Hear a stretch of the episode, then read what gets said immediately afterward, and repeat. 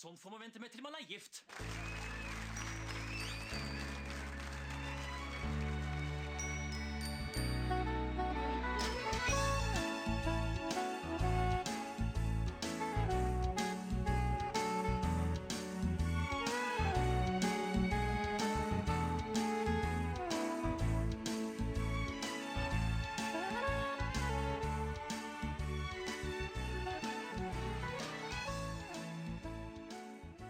Hei, velkommen til en ny episode av Norsk film filmpodkast. Podkasten hvor vi ser norsk film med et kritisk, men kjærlig blikk. Mitt navn er Emil, jeg sitter her som alltid med. Stefan heter jeg.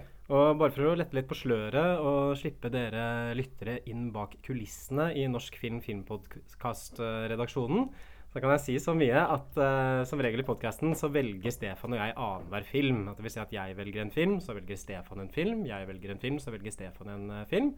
Så da kan det kanskje være litt morsomt å gå tilbake i katalogen vår og prøve å gjette hva er det som er Stefan-filmene, hva er det som er Emil-filmene, og hva er egentlig forskjellen mellom dem.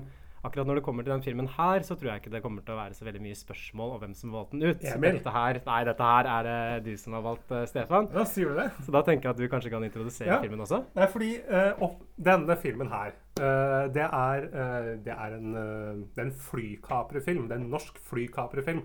Og for de av dere som sitter nå og tenker at nå skal vi høre eh, episoden om SK937 har landet, med Rov Wesenlund i hovedrollen, så kan jeg bare skuffe dere og si at det er det ikke.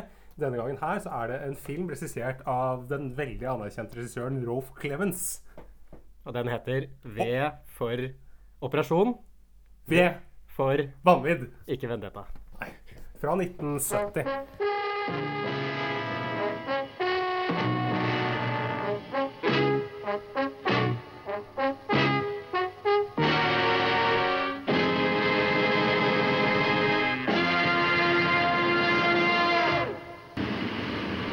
Mine venner.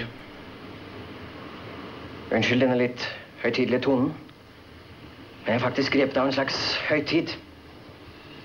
I morgen på den tiden vil landets 3,8 millioner være rystet over det som i mellomtiden er hendt. Nyheten vil bre seg over hele Skandinavia, kanskje Europa. Vår operasjon vil være ganske enestående. Jeg har derfor sammenkalt dere til denne siste brifingen. Jeg har i dag konferert med den personen som står bak oss og støtter oss. Vi må slå til i natt.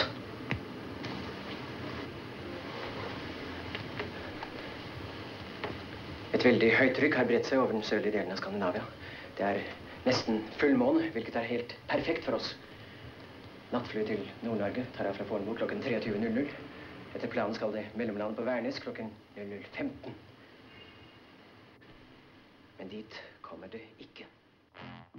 Jeg kan jo bare si litt, Den har jo et veldig sånn eh, fint filmspråk. For deg som er litt sånn fransk nybølge, så er jo dette midt i blinken. For den er jo sånn film og noir. Nå snakker, det, nå snakker Stefan til meg, Emil, ikke til deg, lytteren. Nei, ikke til deg, lytteren. Så nå, dere som er lyttere, dere kan, eh, kan føle at dere følger med liksom, på en sånn privat, hemmelig samtale, som vi ofte har da på kammerset når vi snakker om film og, og sånn. Um, og filmen er jo altså, Ja, hva, hva, syns du, hva syns du om filmen, Emil? Jeg syns den var interessant. Jeg tok ganske mange notater, så det blir spennende å gå litt sånn gjennom. Jeg skal ikke komme med vurderingen min helt ennå. Det tenker jeg kan være et spenningsmoment både for lytteren, men ikke minst for deg, Stefan. Vi har ikke snakket noe om den filmen her på forhånd. Men kan ikke du si litt om hvordan du oppdaga den filmen her, og hvorfor du tenker at den kunne være en god film for oss å takle på podkasten? Ja, fordi dette var en film som fram til nylig var en skjult og glemt skatt. Jeg kom over den for mange år siden på sånn VHS-rip. Altså sånn at man har tatt en sånn big box, sånn svær VHS, og så måte kopiert den og så digitalisert den med litt sånn herpa-lyd og sånn. Og ble sånn, og, og liksom fascinert, for jeg så liksom, dette er en film med et sånt utrolig stort potensial som man kanskje ikke har greid å følge opp helt. Og så så jeg nå at den ble digitalisert nylig. Og vi i Norsk Filmpodkast har jo liksom alltid hatt et mandat, og liksom i våre statutter så står det at aktualitet er nøkkelen. Liksom de tre a-ene, som jeg ikke trenger å gjenta flere ganger. Eh, for det, det som skjedde nå nylig, var at en av hovedrolleinnehaverne i denne filmen, kanskje den bærende hovedrollen, Toto Osvold, døde 86 år gammel. Hvilken karakter er det han spiller igjen? Han spiller han journalisten, han Playboy-journalisten. Ulf, ja. Ja, Ulf. Ja, riktig. Og han var jo han var mer kjent eh, som journalist enn som skuespiller. Jeg har aldri sett han i noe annet enn den filmen her. Eh, Det er første og siste gang for Totto at han spilte Men for å hedre hans eh, minne, så tenkte jeg at vi må velge den filmen her. Og for å være aktuelle, sånn at vi treffer ungdommen som på en måte alltid liksom har sverget til Totto og hørt på radio med han. Som leser nekrologen i avisen tett, ja. Så denne episoden her kan jo kanskje være dedikert da, til en Totto, hva sa han het etternavn? Osvold. Totto Osvold. Denne episoden her går ut til deg. Hei, Totto. Og eh, filmen her har en litt sånn fragmentert eh, fortellerstil, så før vi går i gang med å gå gjennom plottet, så kan det kanskje være greit å si litt sånn overordna over hva den handler om.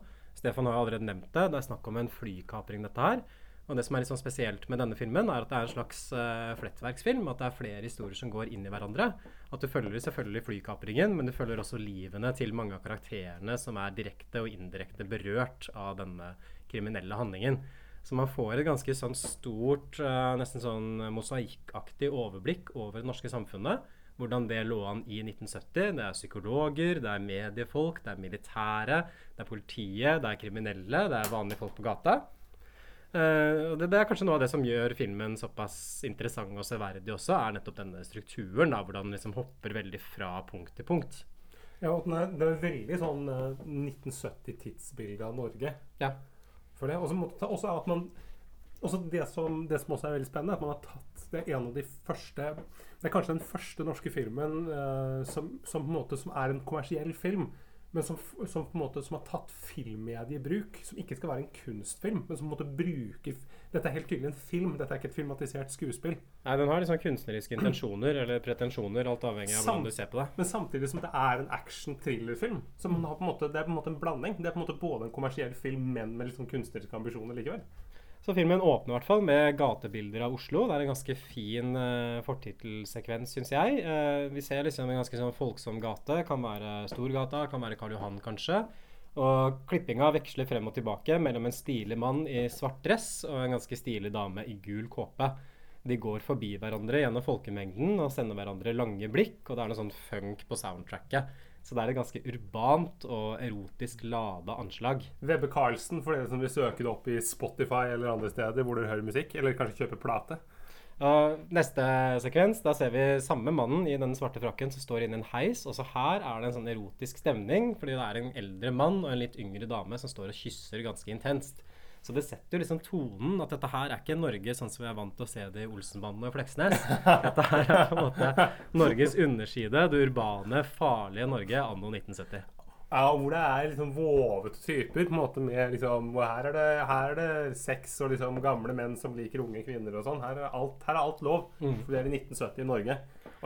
Og du er, jo, du er, jo, veldig opptatt av estetikk, Emil. Hva syns du om estetikken på 1970-tallet? Er det ikke fantastisk? Nei, 70-tallet er jo kanskje sånn estetisk sett et av de beste tiårene. Jeg foretrekker egentlig det over 60-tallet. 60-tallet kan gjerne bli litt for flower power og litt for løst for meg. Føler på 70-tallet var liksom da de stramme buksene kom, kom inn, Brylkreven i håret. Hadde liksom dystre folk med frakk som drev og gikk rundt i landskaper i Nord-England. Ting begynte å bli litt sånn trist og grått. Og da trives jo jeg. Men uh, den filmen her er jo ganske sånn fargefull og ja, sånn overskuddsprega, syns jeg. Veldig mye fin estetikk og fine biler og, og, og liksom, kanskje, kanskje sånn toppunkt hvis du skulle, liksom, når det kommer til, til, hvordan ting ser ut. Da. Det er et veldig fint tidsportrett. Ah, uh, denne mannen i denne stilige svarte frakken han kommer inn i en leilighet, og der blir han møtt av fire andre menn. Også de er veldig kule. Altså. De ser liksom ut som en sånn britisk rockeband fra 60-tallet. Jeg syns de så ut som Rolling Stones eller et eller annet sånt. Alle har ganske sånn interessante ansikter. De er liksom kjekke på en litt sånn tilbakestående måte, sånn som Keith Richards og Mick Jagger. Hvor de på en måte ser litt sånn hemma ut. At det er så svær nese, svære lepper, den type stil. Litt sånn Gallagher-brødrene også. Men veldig sånn glatte, brune fjes. Sånn solariumsbrune fjes. Og veldig sånn, sånn hår som på en måte som ser ut som at det liksom uh, det har vært en sånn puddelfrisør. Altså intense og stikkende blikk. Ja. Og den mannen som kanskje har det mest stikkende blikket av dem alle, tar ordet og sier at i morgen på denne tiden så vil landets 3,8 millioner mennesker være rystet over det som i mellomtiden er hendt. Vår operasjon vil være ganske enestående. Jeg har derfor sammenkalt dere til denne siste briefingen. Og det kommer fram at det er et nattfly som skal av gårde fra Oslo til Tromsø, som denne gjengen da skal forsøke å kapre, og så lande på vei til Bergen et eller annet sted. Hør, hør. Det, er, eh, det, her, det, det var mulig på 70-tallet. I dag så er det vanskelig å kapre fly. Flykapring? Ja. Mm. Før var det sånn at du bare kunne, det var ikke noe røntgen, og du kunne bare kunne sende gjennom hva som helst gjennom bagasjen. Derfor var det veldig mye flykapringer i den perioden. Det var vel noe som skjedde i september i 2011, nei 2001, mener jeg, som satte stopper for den moroa Ja, der. da ble det, da ble det litt vanskeligere, gitt. I neste scene så er det en ganske stilig mann som ligger ved et svømmebasseng. Han er kun iført solbriller og en bok over finstasen. Boka heter 'V for vanvidd'. Og vi får faktisk et lite glimt av penis idet han tar vekk Hæ? boka. Ja, jeg stoppa selvfølgelig. og spolte tilbake. Man, ser, man ser penisen hans. Hadde hadde du. HD-oppløsning, sånn at du kunne se ordentlig? Jeg tror jeg hadde den vanlige oppløsningen. Jeg leide den på TV2 Play, men det er i hvert fall mulig for de av dere som har lyst til å sjekke ut uh, Kugen, så er det bare, bare å betale 49 spenn, og så får dere se det i all sin prakt. For da kan dere se kuken til avdøde Toto Osvold som uh, ligger der. Og han er jo en slags sånn henchman. Litt sånn James Bond med svarte solbriller. Nei, ikke henchman. Sånn hunker. hunk er. Leading man. Leading man. Men var det vanlig sånn, For deg som kjenner norsk film litt bedre, hvor vanlig var det med nakenhet f.eks. på 70-tallet? Var det veldig tabu, eller? Du har jo noen eh, Du har en del filmer hvor det begynner å ta av. Han, han som spiller han som spiller rollen som han lederen i den gjengen som ligner på Rolling Stones, han spiller også i sånn en, en film som kom året etter her, som heter Tre. Ja, Nicole Massé, jeg tenkte akkurat på den. For der også er det vel Ja, Nicole Massea, er det ikke den, er ikke det som har lagd den? Om det trekantdramaet. Ja! Ja. ja. Oi!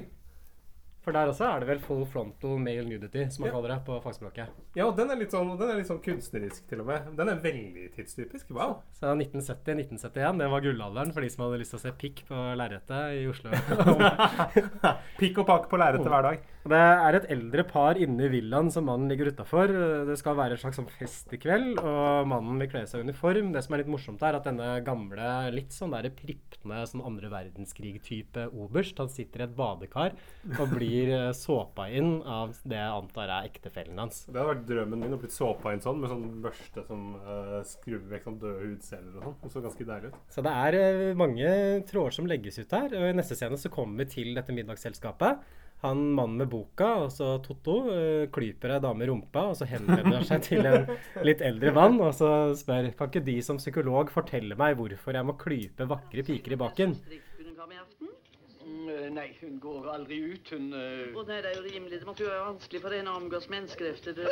Men det var da så Fy, Bob. Slik har du ikke lov å oppføre deg. Gå pent bort til F5-ene og si om forlatelse. Men kjæresten til tante Minni klubber henne i rumpa, så det sang hun seg ikke noe. Ikke sant vel?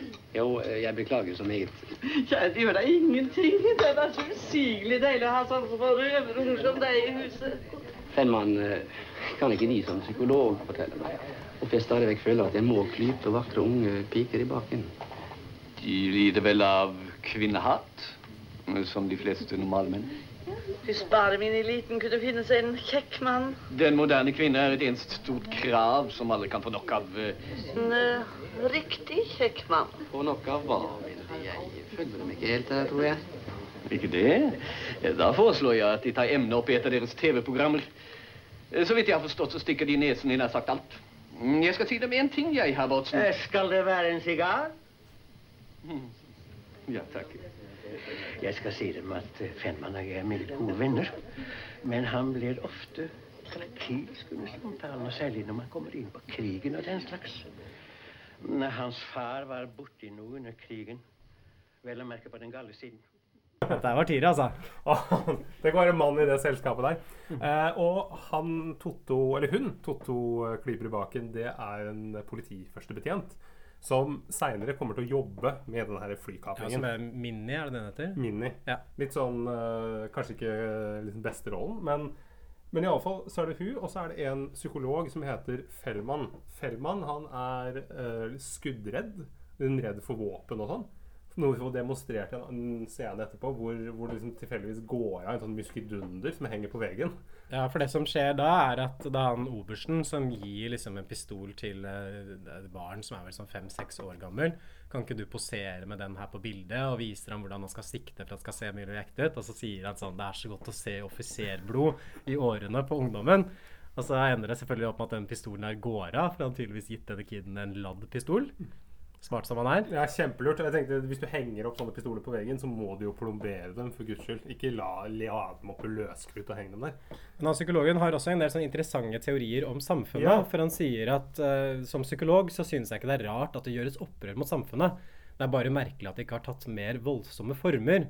Og det er en slags sånn derre dette her er jo en sånn type psykolog, tenker jeg, som man kanskje hadde mer av før i tiden, men som var litt sånn der forvridde, dystre, skrudde individer. Ja, men, men det her er jo uh, sånn historisk så er det liksom tidlig 70-tall. Er den perioden hvor man på en måte begynner å liksom man, ikke sant, Slipp fangene fri uh, fra fengselet. Det er vår, og man tenker at uh, ikke sant, folk skal, skal slippe å sone for det de har gjort, og på en måte bare få liksom at måte, det å være i fengsel det handler mer om en lidelse. Så man begynner jo å psykologisere alt veldig i den perioden her. Ja, det er altså- da man i, i Sverige eksempel begynner å snakke om å, liksom, å, eh, å lovliggjøre da, liksom, både incest og pedofili. Jo liksom, skal jo da lovliggjøres i Sverige på midten av 70-tallet. Så dette er jo en sånn, det er en periode hvor, hvor, man, hvor alt psykologiseres. da.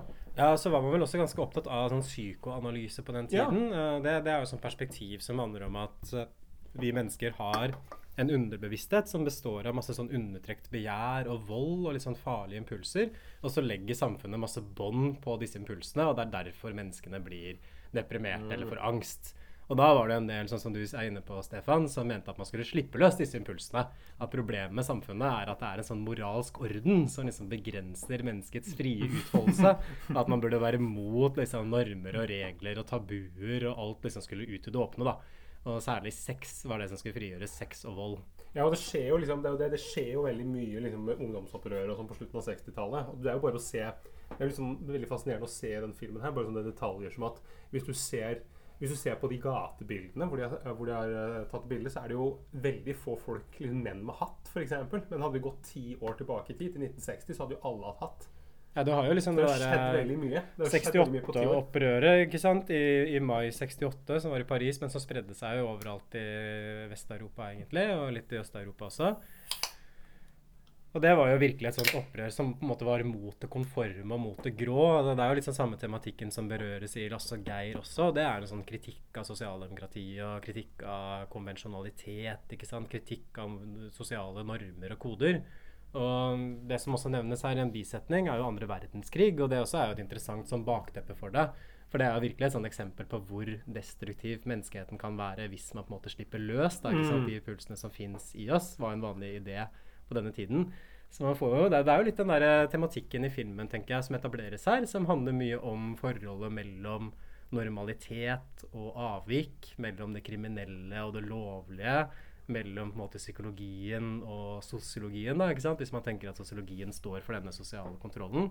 Og han psykologen representerer jo definitivt det der destruktive, radikale elementet. Mm.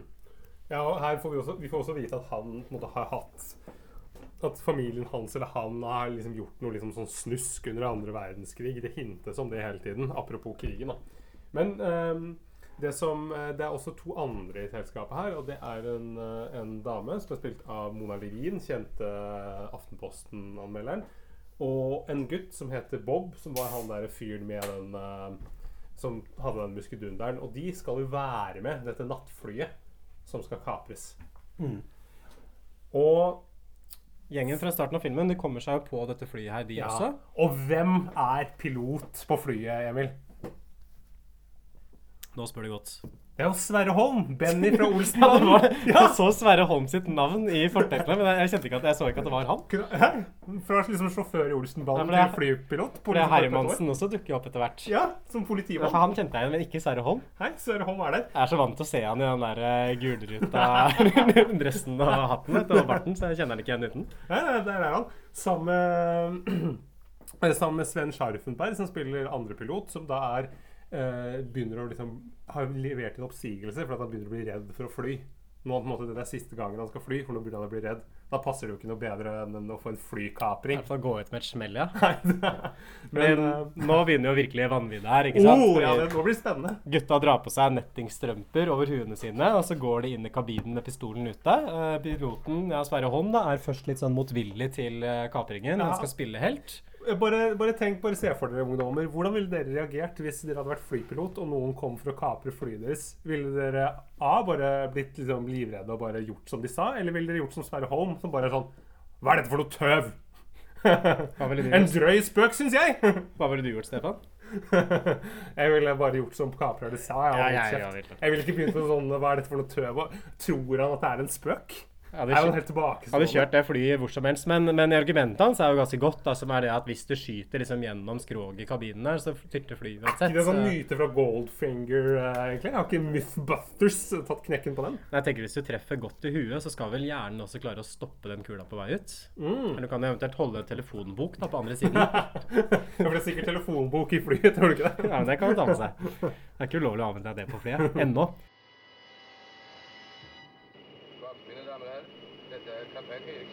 Bli rolig. Dette er et væpnet overfall. Om minste uventede bevegelse kan føre til en katastrofe. Hva i det lille rør dem ikke? De kan vel ikke fange den? Ja, Gardner måtte forsøke å kaste flyet rundt. Folk holder et øyeblikk. Alle i kabinen i sjakk med skarpladet maskingevær. Ja, væpnet overfall. En drøy spøk, syns jeg. Hvem er de? Hva er dette for noe tøv? Hør godt etter Bad litt raskt. Hallo, hallo! Vi ber alle passasjerene spenne fast sikkerhetsbeltene og bli sittende rolig. Det er ingen fare på ferde hvis alle gjør nøyaktig som jeg sier. Bli sittende stille. Finn frem alle verdisaker. Alle kontante penger. Alle smykker, klokker og annet. Hold det klart til en av våre folk kommer. Nå må de høre på meg og gjøre hva jeg sier. Det er meget liten tid på oss. Det første de må gjøre, er å sette kursen nedover til den lavest mulige høyde over bakken. Hånden tilbake! Rør ikke mikrofonen eller skyter jeg øyeblikkelig. Er ikke oppmerksom på at et eneste hull i skroget er nok til at flyet revner? Vi har overtrykk her inne. Det er ikke nødvendig å lære meg noe som helst. Jeg lar meg heller ikke lure av deres forsøk på å hale ut tiden. Jeg vet at vi er over Verdal om fire minutter, og at det blir slått alarm hvis ikke de rapporterer posisjon på radioen. Gir jeg nå for siste gang ordre om å søke nedover til den lavest mulige høyde over bakken. Det vil de ikke?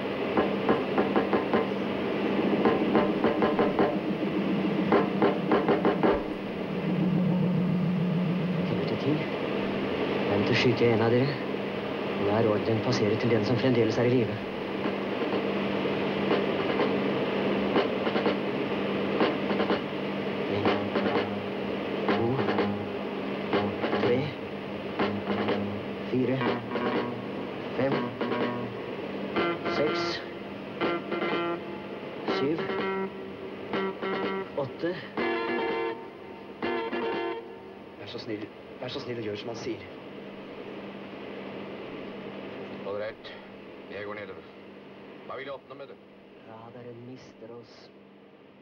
Planen er veldig sånn kryptisk, uh, syns jeg. Hva er det de kaprerne egentlig vil? Men de sier i hvert fall at de skal fly i retning Bergen, og så er ideen at de skal lande på en sånn random vei. Ja, den nye Haukeliveien. Ja, ute i Bergen. Jeg syns de flyscenene er veldig kule.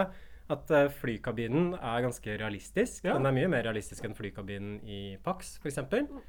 Og jeg syns også de utendørsscenene er ganske imponerende. At de har faktisk filma et fly. De har også filma liksom fra perspektivet til flyet som går inn for landing. Det er ikke noe bruk av modeller, tenker jeg, som man kanskje ville gjort eh, hvis man skulle tatt litt snarveier.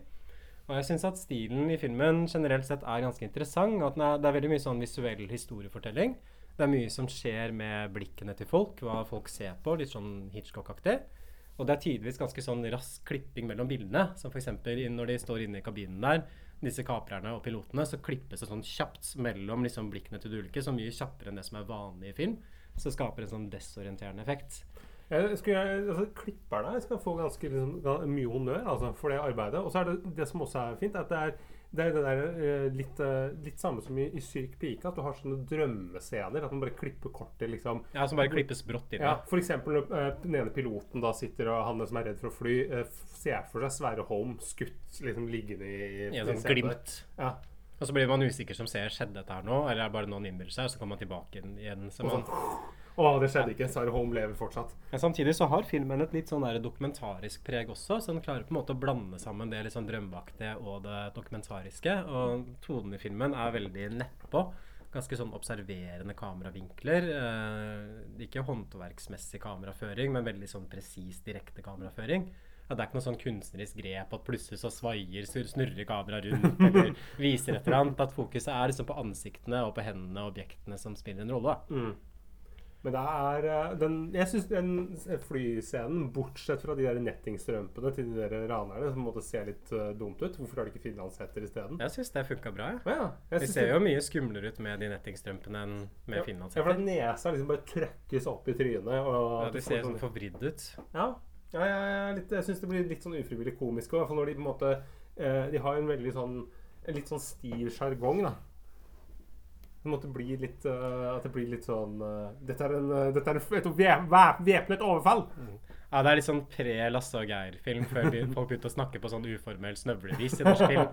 Så det er veldig sånn Kom dere inn i kabinen, folkens! ja, de snakker veldig pent, også disse kaprerne. Dette er et væpnet overfall! Men det, er vel, det blir vel hinta til seinere at de kaprerne kommer fra sånn privilegerte bakgrunner. Ja. Så det kan jo kanskje være et eller annet med det at de er litt sånn ideologisk motivert. da. For det er vanskelig å se for seg hva de tenker at de skal oppnå med denne kapringen. Mm. Fordi de, de, de klarer jo å lande flyet der de vil, og så blir de møtt eh, av to andre i en bil ved denne Bergensveien, og så tar de med seg han Bob fra middagsfesten som et gissel. Ja, og så eh, får de samtidig alle passasjerene på flyet til å gi fra seg verdisaker og stjeler noe sånn flypost. Ja, men det er jo jævlig mye gå gjennom bare for å stjele liksom lommeboka til folk. Ja, At du kunne, 150 000 eller noe sånt er vel det de, de får med seg. Det er jo til og med den gangen. Det var ikke, det, det var ikke de store pengene. Mye mer effektivt å rane et postkontor eller noe. Nei, og Hvis du bare skal loppe folk, så kunne du jo bare gått rundt og rana folk på åpen gate. Ja. Liksom, i, ja, jeg vet ikke. Nei, Um, styr. Så det blir, det blir jo egentlig ikke så veldig klart etter hvert også, for jeg regna med at det skulle være en sånn payoff, at du skjønner liksom hva de var ute etter hele veien, men man finner jo ut etter hvert at dette her er en ganske sånn meningsløs handling, egentlig. At det er en opprørshandling, Mm. mer enn en sånn instrumentell, vinningskriminell-aktig handling, hvor de håper å få noe ut av det som privatpersoner. Ja, og det kommer jo fram etter hvert. Det er ikke så tydelig fra start. For i begynnelsen virker det nesten bare som ja, at vi skal rane Vi skal liksom bare kapre et fly, og that's it. Mens dette her pågår, så er det også et B-plott mellom denne Ulf, denne mannen ved bassenget, og politidama Minni. Han inviterer henne hjem til seg, og når, opp, eh, når hun kommer opp, så kommer han liksom med tidenes sjekkereplikk. Han sier 'Jeg har lyst til å flå av deg klærne og foreta en ukriminell voldtekt'. Og det er vel ingenting som får dama mer i stemning, tenker jeg, enn å begynne å snakke om voldtekt, ukriminell eller ei. Hva syns du om den, den der, Stefan? Nei, den er jo Den er vel eh, Det er en drøy spøk, syns jeg. Tror du det var sånn man snakka på 70-tallet, eller? Eh, kanskje, kanskje Hunken, liksom, ifølge Rolf Clemens, at det var en sånn type. Eller i Os Osvolds Men Osvold er jo ikke noen hunk. Nei, han ser jo ganske bra ut, syns jeg. Har en karisma, men han er også en fyllik. Og han er jo også en ganske sånn sleip journalist, finner vi ut, for han jobber i TV. NRK. Og Så min- det gjør han på, gjorde jo Tosso Osvold på ordentlig. Han var jo i mange år i Nitimen og sånn. Så han er jo Han er jo, jobber, er jo seg selv, kanskje. Kanskje han spiller seg sjøl, ja. Kanskje han var sånn hunk med svarte solbriller og sånn. Og så ba han om å bli kalt for Ulf, så folk ikke skulle skjønne at det er egentlig bare Totto. Det er Ulf, jeg skal foreta en ukriminell voldtekt. Hvordan en voldtekt kan være ukriminell, det vet ikke jeg. altså. Nei, det er vel at det er, eh, at det er samtykke. Ja, men, han, det, Men da er det ikke voldtekt. Så det er en, eh, det er en selvmotsigelse, ja. Hun er i hvert fall ikke så veldig gira på den voldtekten, for hun er sliten og vil slappe av. Og også det at flyet har blitt kapra, og denne Bob har blitt kidnappa. Hva, er- hva er relasjonen hennes til Bob, egentlig? Er det, er ikke sønnen hennes? Nei, nei, for det, det er sønnen til eh, Mona Levin. Ja, han gamle obersten. Nei, nei, nei. eh, det, det er kanskje barnebarnet til gamle obersten. Hvem er Mona Levin igjen? Mona Livin er hun Det er på en litt sånn pagefrisyre som sitter der som første, og som sitter ved siden av Bob når han blir kidnappa. Ja, men hun forsvinner jo helt ut av filmen. Ja, ja, hun er ikke med mer. Ikke Vi skulle kanskje sett noen sånne scener hvor hun satt og gråt seg i søvn og sånn fordi at uh, Bob var borte. For det som er liksom tilfeldigheten her, er jo at alle disse folka kjenner hverandre. At du har liksom Minni, hun som er politidame. Du har hun som mister barnet sitt, og han obersten. Og han Ulf, han TV-reporteren, og denne Fenman, som er veldig viktige folk i dette plottet. Og alle er på en måte på samme fest på starten av filmen. Ja, alle har noe med den flyulykka å gjøre på, på en eller annen måte. Kanskje Mm. bortsett fra obersten. Han er på en måte bare bestefar eller noe sånt. For nå blir vi introdusert også for et nytt miljø, eh, nemlig politiet, der hvor Minne jobber. Og Minne blir satt til å lede saken. Det liker ikke de gamle gubbene med pipe og sånn der sideskill i politiet. Nei, Det er en sånn kjønnstematikk her også. at Det skjer vel et par ganger i filmen tror jeg, at folk sier sånn 'mine herrer', og så må de rette på seg 'og dame'. Unnskyld! Unnskyld. Hermansen og fra Olsenmannen jobber også på denne politistasjonen. da. Ja, og eh, en av mine favorittkarakterer eh, må være erkekonservativ fyr. Jørn Ording, som spiller den der politimannen med den derre eh, liksom rutete dressen, litt sånn Hermansen-dress, med et sånt lite sånn silketørkle i halsen. Som er den derre Mine herrer. Som er litt mot at det skal være en dame som leder etterforskningen. Ja, han, han, nei, men det er han som utnevner henne. Men han, det, virker, ja? ja, Ja, ja, ja. men han virker liksom som en sånn fjott. Han, er, måte, han har null kontroll. Han, bare, han, han tror liksom at, uh, at alt ordner seg, men så vet, så vet jo vi og uh, Nini at det her, det ordner seg ikke. Det gjør ikke Du har ikke kontroll. uh, Men det, er, men for det er vel en av de gamle gutta der som ikke liker at hun tar på seg etterforskninga, er det det? Jo, men det er noen, men det er sånn, det er sånn med litt sånn En annen tynn, tynn bart og sånn. Ja. Eh, vi får også se en sånn TV-sending med intervjuer med mannen i gata, liksom, som en slags sånn enkett om hva de synes om dette ra eh, ranet. Uh, Er det ikke ankett, bare for å være språkpolitiet? Ja, sier jeg. du, sier jo, du, du sier jo bankett, men det skrives på samme måte. Men jeg tror det er ankett. Q-u-e-t. Eller fem på gata, da, hvis du skal på en måte være Fem den på gata, varianten. ja, som jeg sa først. Uh, her får man en sånn dokumentarisk innblikk i datidas Norge. Og det som slår meg, er at det er en ganske sånn konservativ tone blant de folka som blir uh, Oi, ja. Det er mye du ikke kunne sagt nå. Da hadde du blitt halshugd på torget. men, og det har jo en plottfunksjon, men det er også en sånn interessant liksom, sånn stemningsbildegreie. Ok, det er jo sikkert fingert. Jeg vet jo at det er fiktive karakterer dette her. Det er ikke ordentlige folk. Men det skal vel være et slags sånn tidsportrett. Da, ikke sant? Hvordan var det folk flest i Norge var? Ja, dette overrasker iallfall ikke meg. Jeg har lenge gått og venta at folk sånt noe skulle skje. Og disse fem guttunga, de veit jo så godt det at når de blir tatt, så skjer det jo absolutt ingenting med dem. Juling og vann og brød skulle de hatt. Jo, på en måte er det veldig synd på den lille gutten, altså. Også på moren hans. Men på den andre siden tror jeg det ender godt, det. Det er noe som sier meg det. Det må vel ha vært jævla godt planlagt. Det har aldri vært gjort noe lignende i Norge. Han flyveren, han må være en jævla sau. Til syvende og sist så er det kanskje hjemmet feilen ligger. Foreldrene som har skylden. De som skulle vært hengt ut isteden for ungene. Og jeg synes at uh, Hvis vi kan si litt sånn generelt om fortellerstilen i filmen, så er den ganske interessant. Fordi filmen har på en måte ikke noen hovedperson. Nei. Men det er mer et sånt lappeteppe av ulike historier og karakterer som har noe med den flykapringen å gjøre. Og de karakterene er også ganske sånn arketypiske. At man har liksom en politikvinne, en journalist, en psykolog, en militær, en kriminell, et barn. Hvor alle på en måte bare spiller ut sine roller da, Ja, det er litt sånn som i den, galleriet. litt som en togkupé, den Fleksnes-episoden, hvor, hvor det er liksom, eh, representanter fra alle samfunnslag i én vogn. Mm. Man blir blir ikke noe særlig sånn kjent med karakterene eller deres motivasjoner. For deres motivasjoner er bare knytta opp til rollene deres. ikke sant? Du har en politikvinne. Hun er opptatt av å oppløse saken, for hun er politi. Og da har han Ulf, som er journalist. Han vil ha et skup fordi han er journalist. Og utover det så har ikke karakteren en sånn selvstendig motivasjon. Og det er kanskje det at filmen oppleves som ganske sånn kald og kjølig og Ja. distansert. Så det er ikke så lett å leve seg inn i handlingen, syns jeg. når jeg ser. Den ser vel, sett veldig utenfra. Jeg syns jo det er én karakter som, som, er, som er litt mer levendegjort, men han kan vi jo komme tilbake til etter Ja, hvert. jeg tror vi tenker på det samme. Oi, det er gøy. Og scenene er også veldig korte, så vi klipper liksom hele tiden fram og tilbake mellom de ulike partene. da. Og det gjør kanskje også at det blir vanskelig å etablere en sånn sterk relasjon til noen av karakterene. Jeg syns ikke det er en, er en ulempe, egentlig, for jeg tror det er tilsikta at det var det som var meningen med filmen. At den skulle ha dette distanserte blikket. Men det gjør også at det, det er ikke noen sånn tradisjonell thriller- eller actionfilm, selv om den på en måte har det premisset som den har. Um, det blir sånne der intriger hos kaprerne. Han unge gutten med frakken har litt sånn samvittighetskvaler og vil melde seg til politiet for å få han Bob da, i sikkerhet. Han forsøker å stikke av, og så får man en biljakt, som også har et litt sånn drømmeaktig preg, syns jeg. Fordi plutselig så er det liksom inne i Oslo, i Storgata, og ender opp med at han kiden blir drept. En ganske Jo, sånn men- effektiv spenningsscene. Jo, men poenget er at han, han tar han, For han løper først fra dem, og så greier han akkurat å komme seg på T-banen.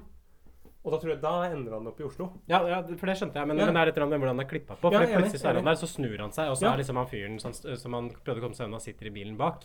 Og det føler jeg kan være sånn som skjer i drømmer, at du føler at du har kommet deg unna, og så er de rett ved deg likevel. Ja, og så bare Og så må du bare løper han bare av gårde som en oi oi. Og så ble han vel kjørt inn til en eller annen port. Han måtte bli en ganske sånn brutal scene. Ja, at han blir, han blir meid inn i en port, rett og slett. En og altså? påkjørt. Ja. Mm. Og politiet klarer da å identifisere denne unge mannen som heter Hugo Hjelt, og slår fast at det er eh, snakk om et drap. Eh, vi har også en sånn mellomscene her hvor eh, det kommer fram at denne kidnappa kiden, Bob, det er eh, psykologens barnebarn. Og psykolog, psykolog Nei, ikke psykologen, men han Obersen, Obersten. mener jeg. Og psykologen poengterer liksom ironien i dette her, da. ikke sant? Her har vi militæret. Dere dreper jo masser av barn hele tiden og forbereder militære aksjoner som dere veit det kommer til å dø massevis av folk i. Det er det ingen som bryr seg om. Men med en gang oberstens eget barn forsvinner, da er det plutselig full halloi. Så det er rett og slett med den der dobbeltmoralske. For jeg tror poenget liksom til psykologen er at dette her er en sivilisasjon og et samfunn som er bygd på vold. Så hvorfor blir dere da så fortørna dersom volden plutselig møter opp hjemme hos dere? Mm. Så det er kanskje en litt sånn Vietnam-tematikk som filmen er ganske tidlig ute med å etablere, da. Jeg Ja. Hva tenkte du om Er du enig i liksom det poenget, eller? Ja, og så er det vel, er det vel litt Det er, det er jo liksom en sånn uh, parallell til den der uh, tyske RAF som på en måte som uh, en råt arméfraksjon som liksom drev og liksom uh, Drev med liksom noe som ble liksom veldig eh, Som ble veldig kritisert liksom, i, i samtiden liksom med sånn terrorangrep og liksom drev og kapra fly og eh, okkuperte ambassader og sånn. Men som, men som Um, men som av noen ble jo sett på som en slags sånn frigjøringsarmé, ikke sant? Mm. Så jeg, jeg tror det, det, det er også at det er paralleller til det, da, på en eller annen måte. Dette her er vel til og med litt før sånn Rotarmé-fraksjon, for jeg tror de starta sånn seinere på 70-tallet. Ja. Men motivasjonen til dem var jo da at man skulle ta volden til Europa, ikke sant? For analysen er at her har vi på en måte et sånt imperialistisk Europa, imperialistisk eh, USA, og de driver med masse voldelige handlinger, men alle de voldelige handlingene, det skjer i andre land. Så innbyggerne oppfatter ikke den volden. Men hvis vi kan skape masse vold, slik også de får kjenne på det, hvordan det er å bo liksom i Libya eller i Palestina eller whatever, så vil folk reise seg mot disse overvaktene. Mm. Så det var på en måte et forsøk på å tilføre vold inn i en ganske sånn fredelig, sosialdemokratisk, harmonisk stemning, da, som det var i etterkrigstiden, for å sjokke folk ut av den derre eh, liksom dovne bedageligheten som han gikk rundt og levde i. Så man kan jo mene hva som helst om den type taktikker, men det er jo interessant at filmen her da er ganske sånn forut for sin tid, For jeg opplever dette er som mer sånn sen 70-tallstematikk, egentlig, som det er ganske tidlig ute med å ta. Ja, det er jo, liksom, det er jo bemerkelsesverdig av liksom Rolf Clemens og Liv Clemens som har skrevet manuset, at de måtte ha At de greide å fange opp det her. Det er eh, far og datter, eller? Eller er det mor og sønn? Er ikke mann og kone? Mest sannsynlig bror og søster, kanskje. Niese og nevø, tror jeg. Vi får også altså flere intervjuer med den eh, norske mannen eller kvinnen i gata. Igjen er det ganske konservativ stemning i disse intervjuene. Det er en som mener at politiet ikke slår hardt nok ned på kriminalitet. Det er en annen som mener at politiet er forbundet av politikere og av pressen. Og så er det en tredje som mener at skal det gå bra, siden politiet er fedre. Er liksom har patriarkene som sitter ved roret, og da går det fint. Og så har du vel også en sånn Raddi-student som mener at dette er en sånn kritikk mot Nato, og nå blir liksom politiet bleike i nebbet, for de skjønner at nå kommer liksom børsa til å bli vendt mot dem selv. Så man får et litt sånn der eh, tverrsnitt av den norske befolkningen, Mm. eh, med noen radikale stemmer, men flest sånn grå, konforme, Marshall-plan, indoktrinerte nordmenn. Det dukker selvfølgelig opp også en sånn mann med hatt som mener at uh, grunnen til at dette her går så dårlig, er fordi det er en kvinne som er- sitter som justisminister. Og det også er jo en sånn en greie her at man har uh, At man faktisk uh, En av de karakterene som blir introdusert, som er den største skuespilleren i filmen, er jo Wenche Foss, som spiller justisminister. Girl power. Girl power. Yay! Dette er faktisk første gang jeg ser Wenche Foss i en faktisk skuespillerrolle. Hæ, har du aldri sett henne i noen Hun har jo spilt i masse venner og filmer. Og, Nei, jeg, er bare, jeg er bare kjent med Wenche Foss som Wenche Foss, som liksom Norges eneste diva og alt det der. Så det er første gang jeg ser at hun faktisk spiller. Hva syns du om skuespillet? Veldig bra. Ja. Hun har jo en veldig sterk tilstedeværelse og karisma, så jeg skjønner jo godt at hun fikk den statusen som det hun fikk. Hva med deg, Stefan? Hva syns du om Wenche Foss som skuespiller? Jeg syns hun, eh, hun er veldig god, men hun er, hun er jo best på litt sånn hovedkarakterer. På sånne sterke karakterer. Og gjerne ikke, Det trenger ikke å være hovedperson, men litt sånn, en sånn sterk bikarakter, sånn som den her. Det Ja. gjør seg ganske godt. Altså, det blir eh, som justisminister, men, eh, hvor du da sitter i et rom sammen med alle disse gubbe gubbusen-mennene med sidestil og sånn stygg bart, og på en måte belærer dem om hvordan de skal gjøre ting, mens de bare flyr rundt som sånne kaklende høner og kyllinger. Det er litt fint å se på. Hun har en veldig naturlig autoritet. Ja. Og det er vel en sånn eh, replikkveksling der også, hvor det er en av de gutta som skal prøve å imponere litt. Og bare 'Ja, som ansatt i politiet, dette her er noe av mest umoralske jeg noen Og hun bare 'Ja ja, når skal vi møtes i morgen?' jeg gidder ikke å høre på det her. Bås! Kom til saken. Han er jo helt han, Den karakteren er helt fantastisk. Det er på en måte sånn surrepetter uh, de luxe. Men uh, hun har en litt sånn derre Margaret Thatcher-framtoning. Ja, ja, samme sveis! Og samme sveis. Uh, det som justisministeren uh, informerer om, er at kidnapperne har kommet med tilbud til en Nagelsen, som er eieren av dette flyselskapet, hvis fly blir kapret. Uh, kidnapperne vil ha en halv million av Nagelsen for å slippe fri Bob Morgan, som er det fulle navnet på denne kiden. Hvis ikke blir Bob Morgan drept. Jeg Grusomt synes at ja, Bob Morgan Det er ikke noe sånn passende barnenavn.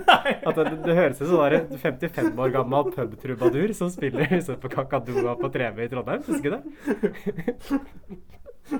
Jo, eller grå Ja. i Trondheim. Å, der, er har, spesielt. der har vi Bob Morgan. Se hvor han leker med de andre guttene, da. Nei, det Det er mer en sånn fyr med sånn uh, Med en liten, liten sånn kassegitar eller sånn banjo eller noe sånt, som spiller sånne amerikanske eh, låter.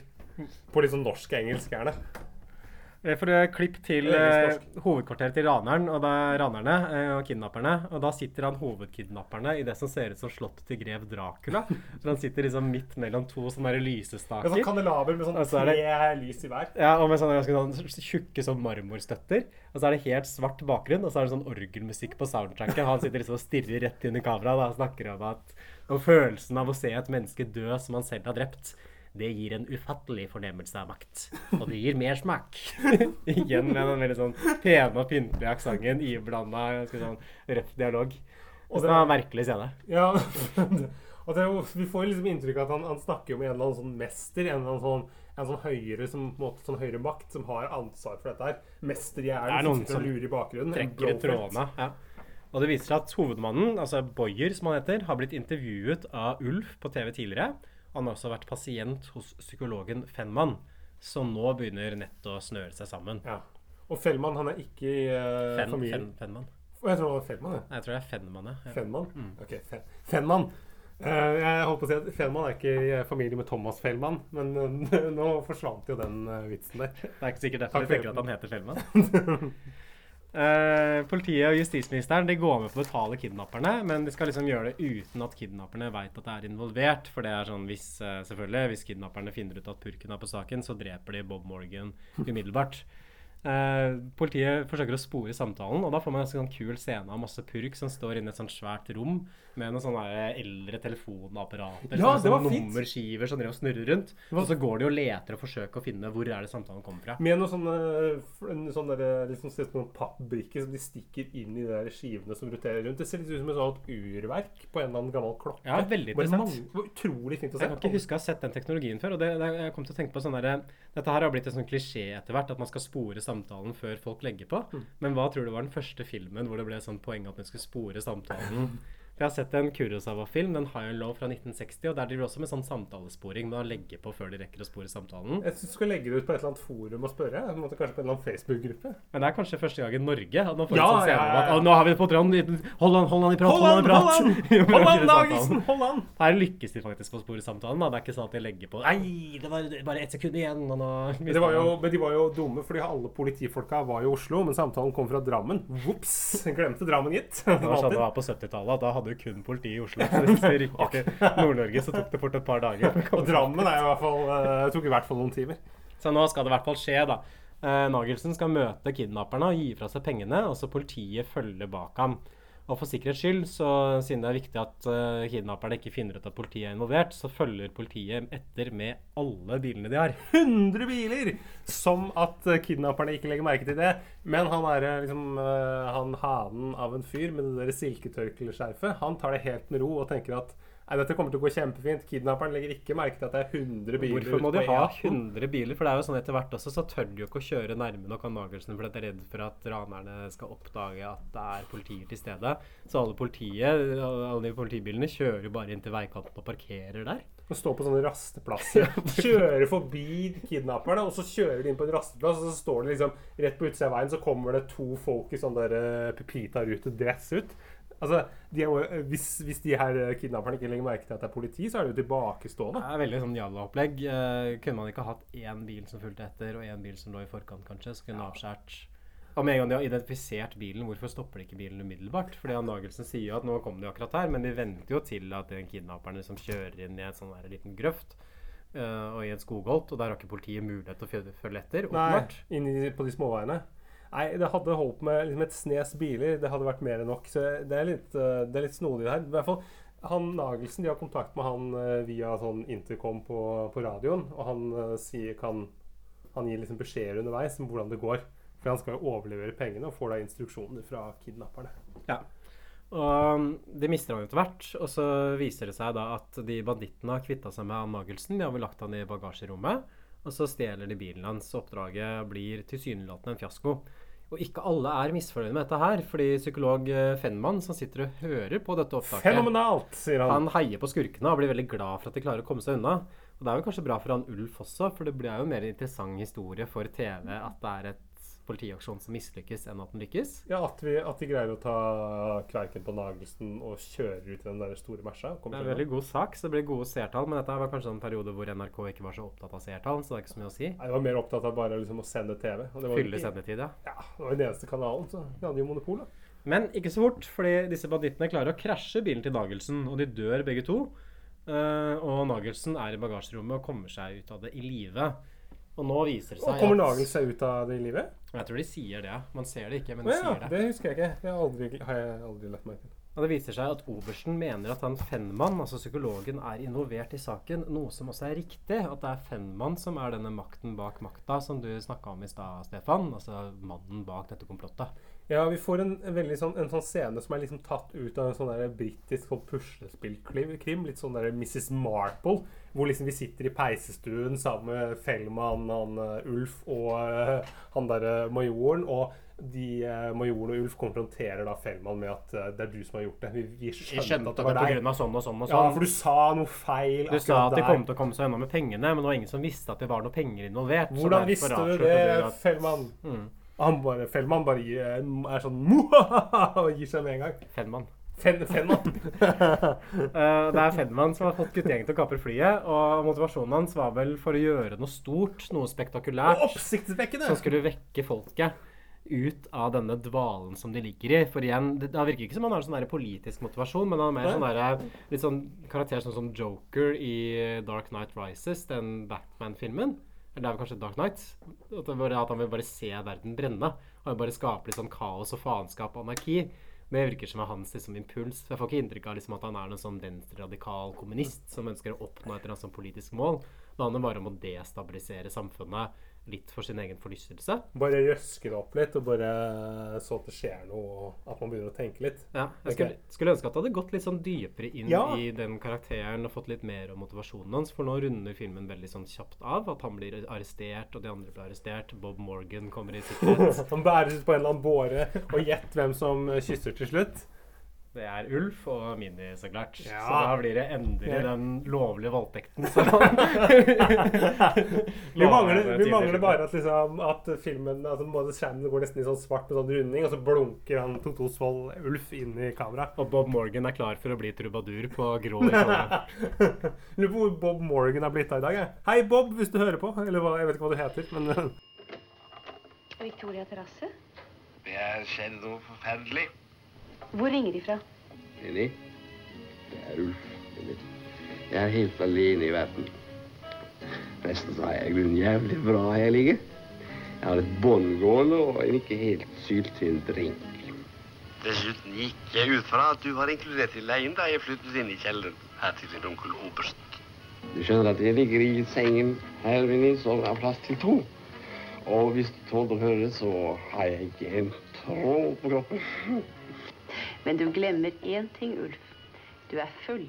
Full av lengsel etter deg, ja, Minni. Ok, Stefan, Hva tenker du på en måte er den overordna tematikken og moralen i Operasjon V for vanvidd? Nei, det er jo det, for det er det som er mitt problem. At, um, at det er liksom litt lite tydelig fordi at karakterene er så er liksom så blasse og på en måte bare har en sånn funksjon som bare, liksom bare de, de, Vi kommer aldri ordentlig inn på dem, så skjønner ikke jeg helt hva liksom, motivasjonen til f.eks. Fellmann er. Eller de der guttene som har blitt lokka med der. Har gutta liksom bare blitt lokka med i det der fordi at fordi at Fellmann er liksom en jævel på psykologi, og at han har på en måte greid nesten bare å hypnotisere dem med psykologi og fått dem til å bli med liksom, og gjennomføre et, uh, en fly, flykapring og en kidnapping. Nei, jeg vet ikke. Jeg syns det er vanskelig. Nei, jeg tenker at det, det, virker jo for meg som at han Fennmann da representerer en slags sånn radikal systemkritisk impuls. Han er sånn anarkistiske psykologen som narrer unge gutter inn i kriminalitet. Eller som plukker opp disse elementene og får dem til å bli med på noe som de kanskje ikke egentlig ville ha gjort hvis ikke han var til stede. Samtidig så virker jo også de gutta, spesielt han Boyer, da, som leder gjengen, virker jo ganske skruppelløs. Um, men jeg tror nok det er en eller annen sånn lov og orden-tematikk her. Uh, hvor på en måte Fennemann representerer det anarkiske, ikke sant? den uroen, ikke sant? det underbevisste som ligger under samfunnet. Mens uh, resten av karakterene egentlig representerer kanskje loven. da. Mm. Og det er jo helt tydelig loven som vinner på slutten av filmen. ikke sant? For Fennemann blir jo fengsla, kuppet blir på en måte avverga, Bob Morgan blir satt fri. Og det er på en måte politiet, hæren og journalistikken som står liksom sammen da, og representerer maktapparatet, som tvinger disse radikalismen i kne. Og på en eller annen måte så er det noe litt sånn derre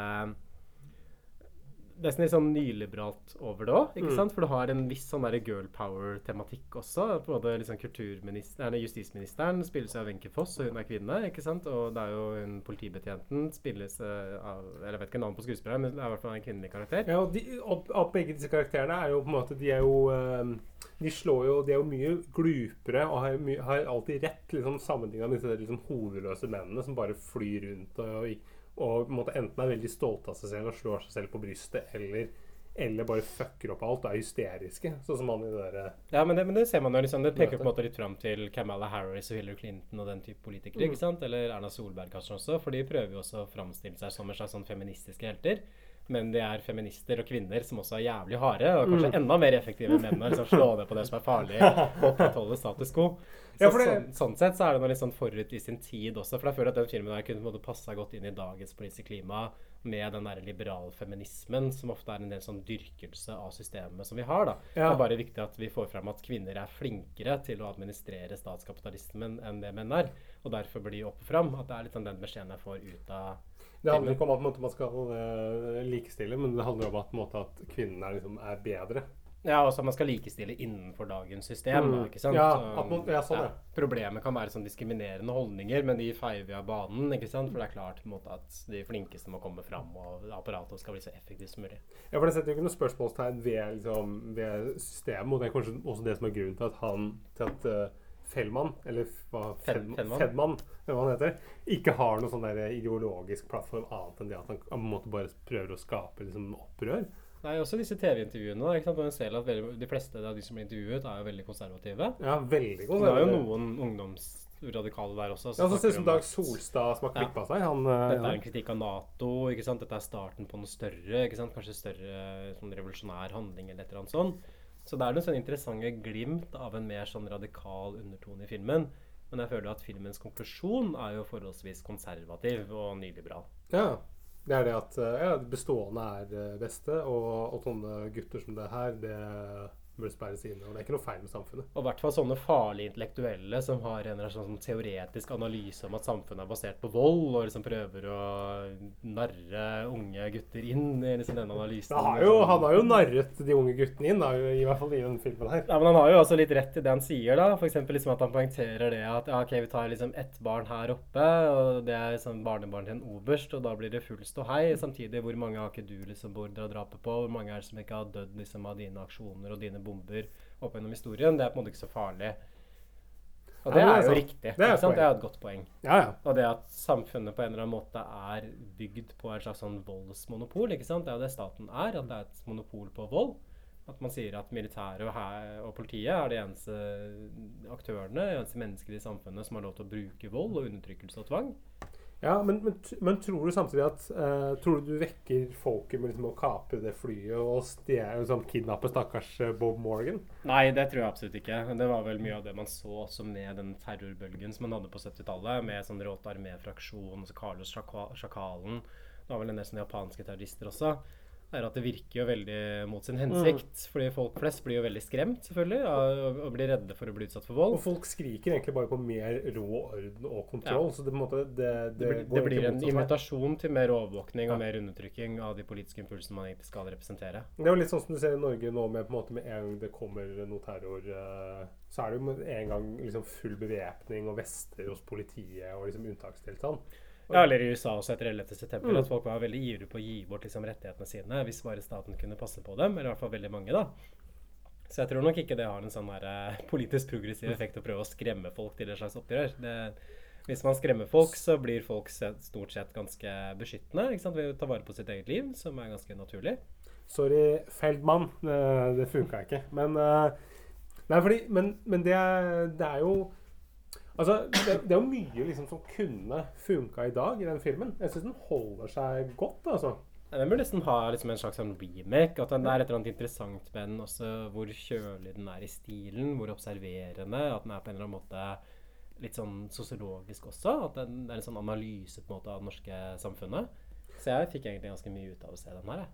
Så bra. Eh, jeg også. Og så syns jeg det er fascinerende å se det der Fem på gata-greiene, for det gjør man ikke mer i Dagsrevyen. Nei, ikke i At du norsk kan film bli heller, at- kjendis i tre sekunder for at du blir intervjua der. Jeg syns jo Uno for eksempel, hadde blitt bedre at det hadde vært sånn fem på gata-innslag av folk. Hva, hva syns du egentlig om treningsstudio? Hva syns du om Og anabole stero steroider? Hva syns du om æresdrap? Vi snakka jo om at det var én skuespiller vi gjerne skulle trekke fram, som, gjorde liksom, som var litt mer karismatisk enn de andre og bidro litt mer. Uh, hvem er det for deg, Emil? Jeg tror kanskje det er han Totto, men jeg tenkte også Hæ, på Totto Osvald! En karakter som jeg skulle sett mer av. det tror jeg ville vært han Boje. Ja. Som på en måte er lederen for dette kidnappingsteamet. Han der, unnskyld denne litt uh, Den høytidelige tonen. Mm. Ja. Jeg syns også han, øh, han Hugo, han som blir drept tidlig, og som man ser i fortitlene, også har et veldig interessant fjes. Ja, han som er gjerne og, og ser veldig bra ut, rett og slett. Så jeg skulle ønske at han Hæ, jeg synes han ser bra ut! Ja, det syns jeg. Ja, jeg han synes ser han er liksom, litt sånn der Brian Jones i Rolling Stones. Ja, Han ligner på han ene i Midnight Cowboys, han uh, Rod Hoffman? Stewart. Rod Stewart. Midnight Cowboys. Hva faen hva heter han, han rødhåra fyren i Midnight Cowboys? Nei, jeg går videre. Ja. Nei, men, uh, Hva med deg, Stefan? Nei, jeg syns jo Nagelsen er den beste karakteren. Skatmera. Hva med eierne? Det er det de har på. Ja, ja, Hva- hva med han som eier flyselskapet. sånn, ja, sånn gjorde. Han ser litt sånn skremt ut når han sitter inne i bilen der, og på en måte den store kapitalisten som kjører ut fra den der eh, villaen sin på Frogner. Du vil jo alltid ha mer i det borgerlige perspektivet. Jeg syns de med borgerlige er morsomme. De, de, er liksom, de, er så, de er så stive i norsk film. Borgerlige er så stive. Alle er litt sånn Per Christian Foss-aktig. Ja, jeg er kanskje ikke helt enig i det. Mener du Men du, Takk også, Stefan, at du mente at denne filmen her har et eller annet sånn uforløst ved seg. Hva vil du si at det er? Altså, eh, det er jo noen Det er litt som eh, hvis du ser et gammelt hus, at du på en måte ser at det detter fra hverandre. Men hvis jeg bare fikser litt på taket her og river og liksom eh, bare fjerner stygge linoleumsbelegget inn i bygningen, så blir det et kjempeflott bygning. Og det, det ser ikke folk på bildene. Det er litt sånn det er med den filmen her òg. Det er noen sånne småting du kan gjøre for å gjøre den bedre. Og det hadde vært å bare Du var jo inne på det, men få inn noen andre skuespillere. Bytte ut litt, måte få litt sterkere Litt mer karismatiske skuespillere. Skuespillere var sånn interessante å se på. Som f.eks. hun Minni, hun politidama. Hun syns jeg gjerne kunne ha vært en annen skuespiller. Det, du mener, det var ikke den salteste nøtta i posen for deg? Nei, altså, hun, hun gjør en grei rolle, men det er et eller annet med at noen skuespillere har en voldsom tilstedeværelse og karisma. Wenche Foss, f.eks. Mm, Ja, oh, ja. Så hvis man har hatt en sånn type karakter at et eller annet, Man må liksom ha Det er kanskje sånn overfladisk å si, men man har, må ha liksom ansikter som man er interessert i å se på. Og hun har kanskje ikke det for meg. Og det gjelder for et par av de andre skuespillerne også. Hun er veldig anonym. Mm. Nei, fordi, for det, det er noe med det også. Og så er det Jeg, jeg mener jo at den, den du burde strøket her, hvis man skulle valgt et menneske å stryke, så er jo det Toto Osvold. Men jeg syns ikke Ulf-karakteren synes ikke tilfører filmen noe. Jeg syns han funker greit. greit. Altså, Eh, Steve Men det er liksom interessant også med filmen, for den har jo liksom som du snakka om, Stefan, liksom der nynoir, sånn fransk eh, stil. Men så er jeg på en måte ikke helt sikker på hvor klar filmskaperen var over den stilen de hadde funnet fram til. Var dette noe de hadde liksom gått inn for på forhånd, eller er det noe på de har slumsa seg litt til uten å ta så veldig sånn kunstneriske valg underveis? Jeg syns også den har litt sånn fast spinderpreg, som Berlin of Wire f.eks., med noe av tagningene og bildene. Og dette er jo før World of Wire kom ut. Men jeg tror jo hvis man hadde liksom lagd en remake av den her, og så rendyrka de estetiske virkemidlene enda litt mer, og kanskje tatt bort noe av det funk-soundtracket som kanskje bryter litt Hæ, liker du ikke funk-soundtracket? Jeg syns jo det er noe av det beste med hele filmen. Det bryter kanskje litt med den der kjølige, observerende tonen som man har ellers. Og man kunne på en måte ha jazza opp de spenningssekvensene litt mer, fått det enda mer intenst. At det er en veldig sånn interessant stil, eh, men det er mer en sånn anslag til en god stil enn en faktisk gjennomført visjon, da, sånn som jeg ser det. Mm. Og min hypotese er at det kanskje handler om at regissørene og filmskaperne ikke var så veldig klar over hva slags stil de hadde lyst på, men at, det ble sånn, at filmen ble sånn som ble, av litt sånn heldig uhell.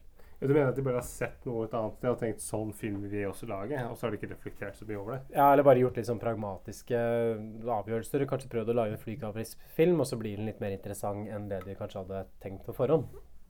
Ja, jeg, jeg stoler på at Rolf Clemens har vært ute og måte sett mye film og latt seg inspirere.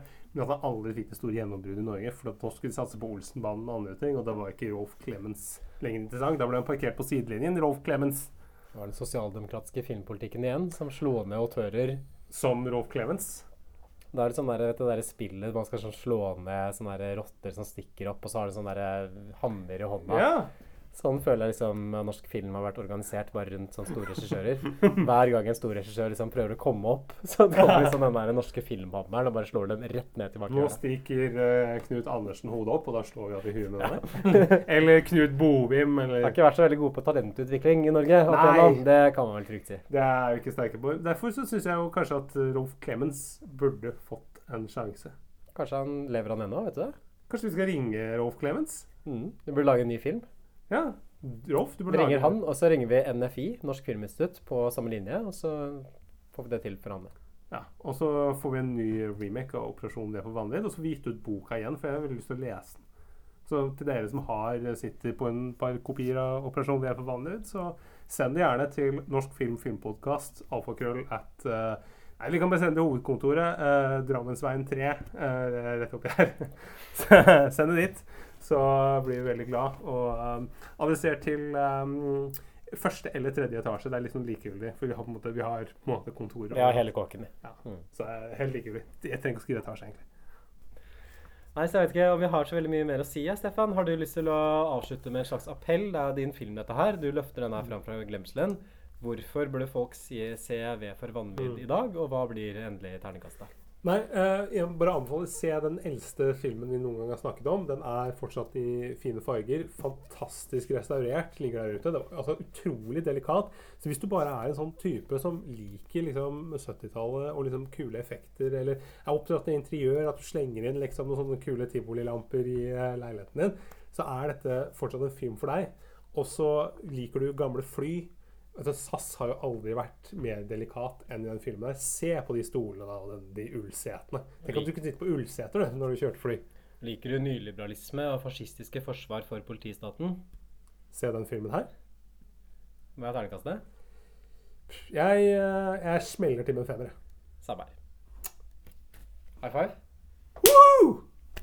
Takk for oss, og mm, vi må ønske riktig god sommer til alle våre lyttere som sitter her ute. Ungdommer, ta med dere kjølebagen ned, og popp noe Coca-Cola ned på stranden, eller en liten Ringnes kanskje, og bare se på, se på bølgene og kos dere. Vi skal ut og sprette en sjampis for å markere at uh, Norsk Film Filmpodkast sesong tre er offisielt avsluttet. Men kanskje vi kommer kjappere tilbake enn det dere tror. Tusen takk, eh, Jon M. Jacobsen, for din e-posten du sendte. Jeg har ikke fått svart, men vi jeg svarer i løpet av ferien, jeg, tror jeg. Tusen takk. Ha det. Ha det! Would you like to wear long hair if you could? Would you like to join a fair if you could? Would you like to steal a car you could? Driving fast and driving far if you could.